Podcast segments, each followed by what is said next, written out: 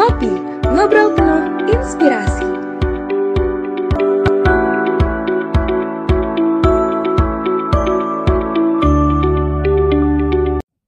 Halo Sobat Ngulik, di malam minggu yang syahdu ini tentunya bakalan lebih seru kalau kalian dengerin Ngopi Podcast, ngobrol penuh inspirasi. Bareng aku Yuma dan rekan aku. Aku Akbar. Dan di episode Ngopi Podcast kali ini kita bakalan bahas topik yang gak kalah seru dari minggu kemarin nih. Kita bakalan bahas apa nih, Bar? Nah, buat topik kali ini kita bakal bahas tentang serunya menjadi travel blogger, kopi yang menghasilkan.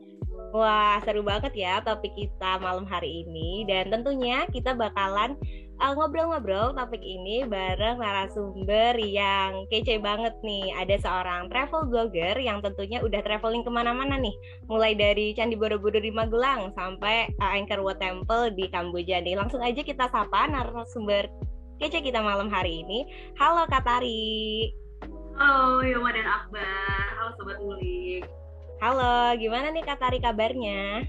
Kabarnya baik, Alhamdulillah. Pandemi ini belum kelar juga sih, jadi belum bisa traveling ke mana-mana. Jadi stay at home is a good idea emang. Iya. Uh, Katari udah siap nih kak buat ngobrol-ngobrol bareng sobat ngulik Udah, semuanya. udah siap banget. Oke, langsung aja boleh mungkin aku lanjut ke pertanyaan pertama ya kak. Boleh nih Katari mungkin cerita educational background Katari dan karir tuh sekarang lagi sibuk ngapain aja sama sedikit personal life nih kak mungkin. Personal life sedikit ya. Oke, anyway, hai semuanya, hai Sobat Ngulik. Halo Yoma dan Akbar, perkenalkan aku Astari, biasa disapa Tari. Aku lahir dan besar di Palembang dan kemudian melanjutkan studi di Institut Pertanian Bogor, program diploma. Jurusannya sekarang udah ganti nama nih kebetulan, karena dulu jurusannya itu panjang banget namanya. Perencanaan dan pengendalian produksi manufaktur barang dan jasa. Kemudian ketika aku udah wisuda, nama jurusannya diganti nih lebih singkat, lebih on point, namanya manajemen industri. Uh, aku angkatan 47, jadi nggak beda jauh nih kita kayak cuman ya berapa tahun doang lah ya bedanya kemudian kesibukan aku sekarang aku masih menjadi content creator, travel and lifestyle blogger juga. Kemudian aku juga kerja di salah satu startup yang ada di Jakarta. Seperti itu. Wah, keren banget nih. Berarti eh, dari apa namanya ngelihatnya ini alumni juga nih berarti nih kakak kita nih. Oke, tapi nggak beda jauh berarti ya kak dari Iya nggak beda jauh. Oke, mungkin eh, ke pertanyaan selanjutnya aja kali ya. Uh, mau nanya nih dari katanya sendiri mau mau tahu dong gimana sih awal mula Tari bisa terjun nih ke dalam karir sebagai travel blogger. Uh, mungkin cita-cita dari dulu juga kali nih. Kalau boleh tahu gimana tuh kak? Jadi kalau misalkan cerita flashback lagi gitu, kebetulan aku kan lahir di keluarga yang emang demen banget jalan-jalan nih. Jadi aku tinggal di Palembang, tapi kampung halaman ibuku itu di Sumatera Barat, Bukit Tinggi. Jadi ketika aku kecil emang sering diajak road trip dan ayahku itu mewajibkan anak-anaknya nih untuk nulis cerita perjalanan ketika kita kelar mudik. Ketika kita udah kelar nulis cerita perjalanan, nanti bakal dikasih uang sama ayahku gitu. Mungkin dari situ kali ya, demen banget nulis.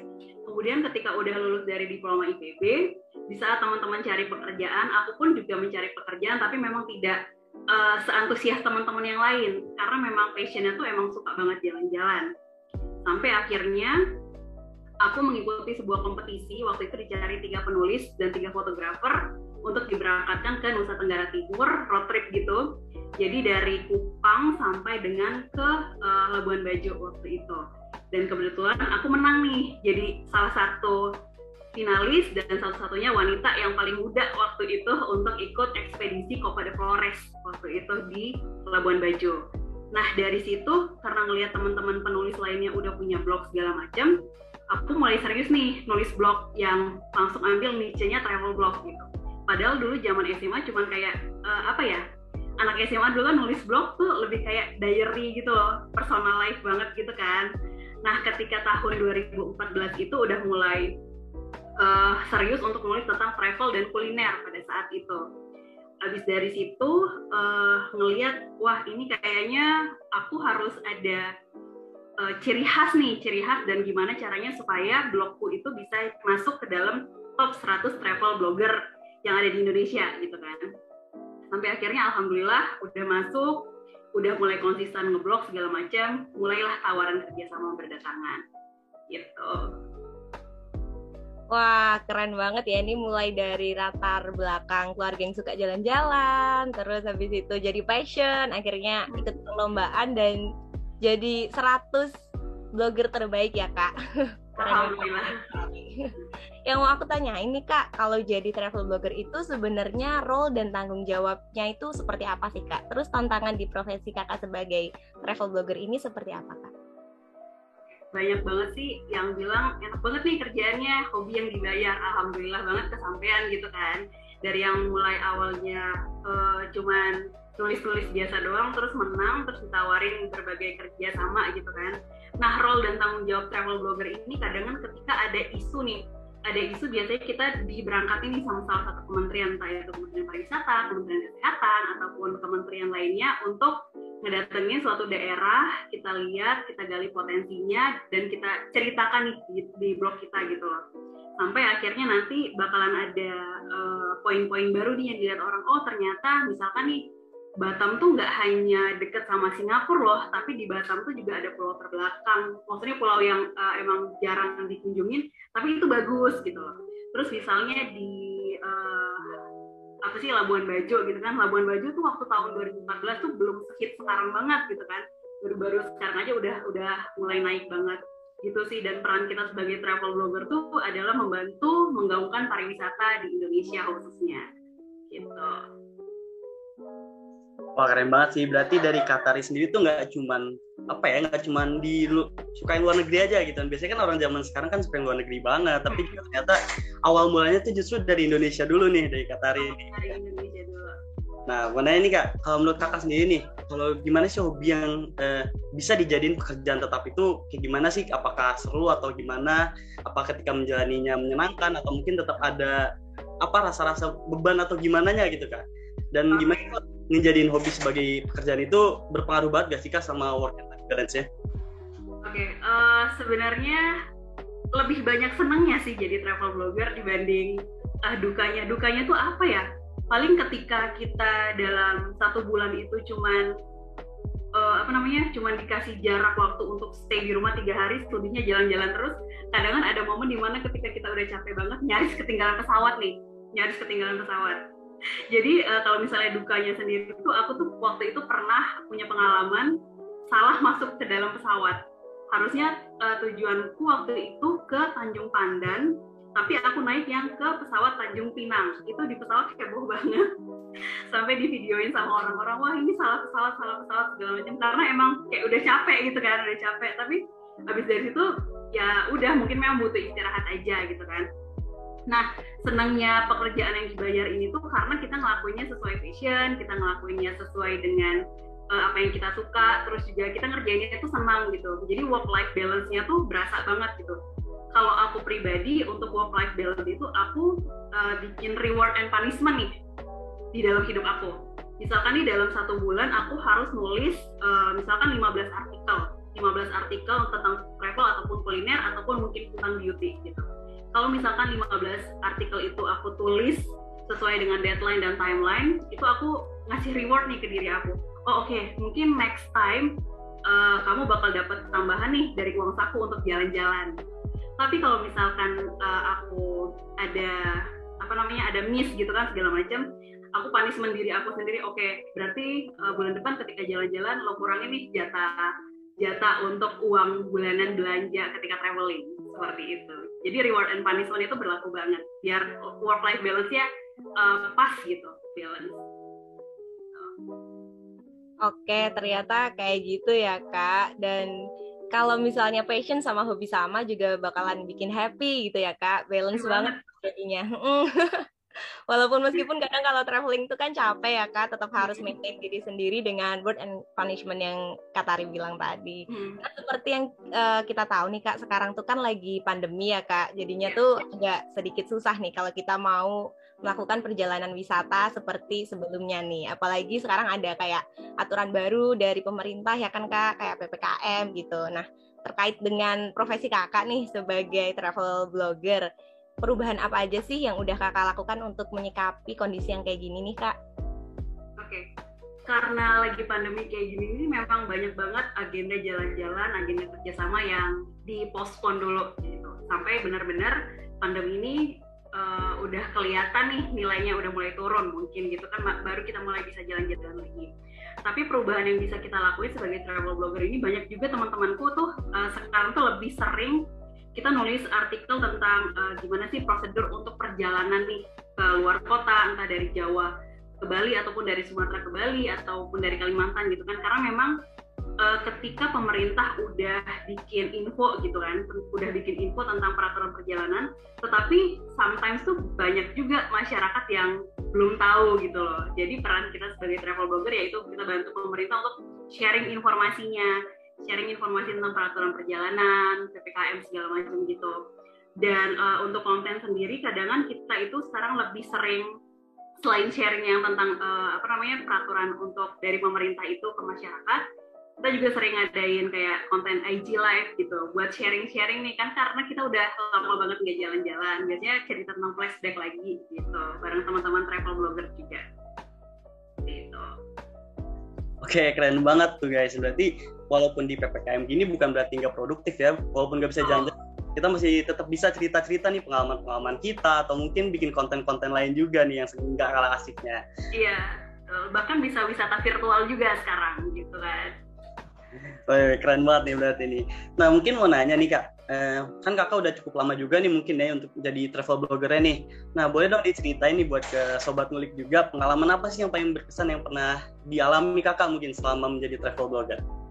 Oke, uh, aku tuh mulai serius banget untuk menulis travel blog itu tahun 2014 setelah menang kompetisi menulis ekspedisi Copa de Flores waktu itu.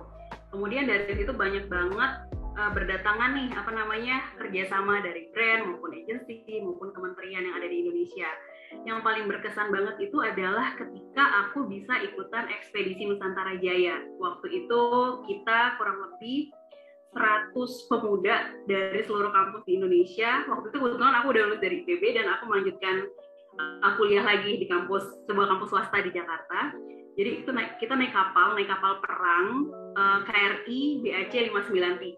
Kalau misalkan teman-teman tahu, itu kapal perang kita benar-benar berlayar dari Jakarta ke Makassar, kemudian Saung-Laki, Maluku Tenggara Barat, kemudian Kupang, kemudian Sorong, Papua Barat, terus balik lagi ke Jakarta. Itu pengalaman yang seru banget menurutku karena ketika di dalam kapal tersebut kita juga banyak aktivitas nih aktivitasnya dan itu tuh aktivitasnya semua semuanya produktif dan emang seru-seru banget.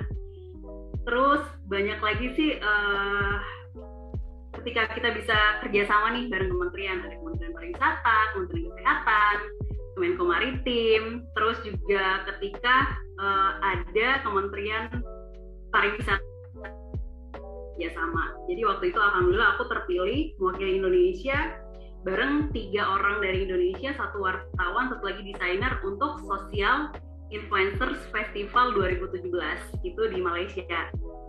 Uh, kita ngubek-ngubek Malaysia khususnya di Perak. Jadi kita ngubek-ngubek Perak bareng sama kurang lebih 13 13 travel blogger dari 13 negara kalau aku nggak salah ini gitu. Jadi seru banget gitu loh ketemu sama travel blogger luar juga gitu.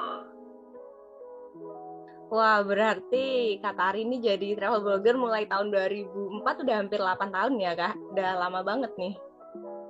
Ya, 2014 ya, betul. Ya, udah lama banyak juga ya. oh, sampai bisa berkesempatan naik kapal perang, kolaborasi bareng banyak kementerian dan uh, ketemu sama travel blogger dari luar Indonesia juga ya, Kak? Iya, betul. Keren banget nih. Nah terakhir yang mau aku tanya ini Kak, um, apa sih yang harus disiapkan anak muda nih misalnya kayak aku, kayak Akbar, yang mau terjun ke karir di bidang travel blogger kayak Kak Tari nih. Terus uh, pesan kakak buat fresh graduate dan juga mahasiswa yang menonton podcast ini mungkin Kak. Oke, kalau misalkan saran dari aku untuk teman-teman yang mau mulai nih untuk menulis untuk jadi seorang travel blogger ataupun blogger lainnya karena blogger tuh sendiri banyak banget cakupannya ada travel blogger, ada techno blogger, beauty blogger, food blogger dan sebagainya. Uh, saran dari aku mulai aja dulu, mulai aja nulisnya, jangan takut salah, jangan takut nanti bakalan nggak ada nih yang baca cerita aku gitu. Jangan pernah takut karena ketika kamu udah nulis sesuatu di Google, uh, di blog itu bakalan dibaca sama semua orang. Entah itu kapan itu pasti bakal dibaca sama orang gitu. Bahkan tulisan lamaku yang udah aku tulis lama banget itu masih masih banyak banget yang bacanya sampai sekarang gitu kan. Kemudian pesan buat teman-teman yang mau uh, yang fresh graduate nih gitu. Uh, pertama adalah gigi gitu. Gigi be strong, be confident, dan be yourself. Karena uh, apalagi kita lulusan Institut Pertanian Bogor, kita harus percaya diri, kita bawa alma mater yang uh, kece banget gitu loh di pundak kita, gitu kan.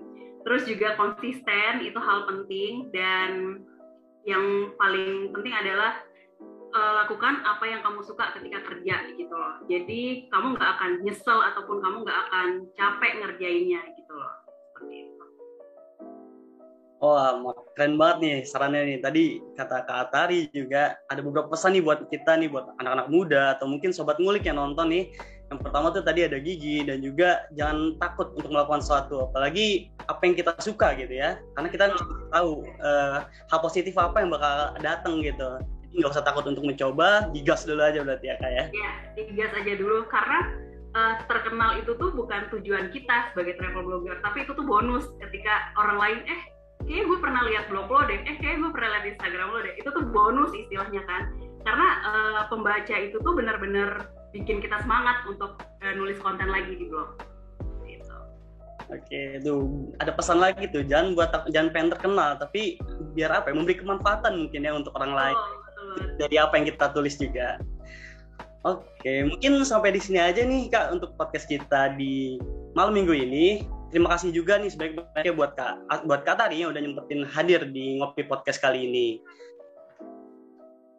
Nah, buat sobat ngulik nih jangan lupa untuk tonton terus ya Ngopi Podcast di channel YouTube-nya Center of Management dan jangan lupa juga untuk subscribe, komen dan like. Saya Bay dan teman saya Yoma pamit undur diri sampai jumpa di episode Ngopi Podcast selanjutnya. Sampai jumpa. Terima kasih Kak Tari. Terima kasih Akbar dan Yoma. Makasih banyak Kak Tari ya. Yo, sama-sama.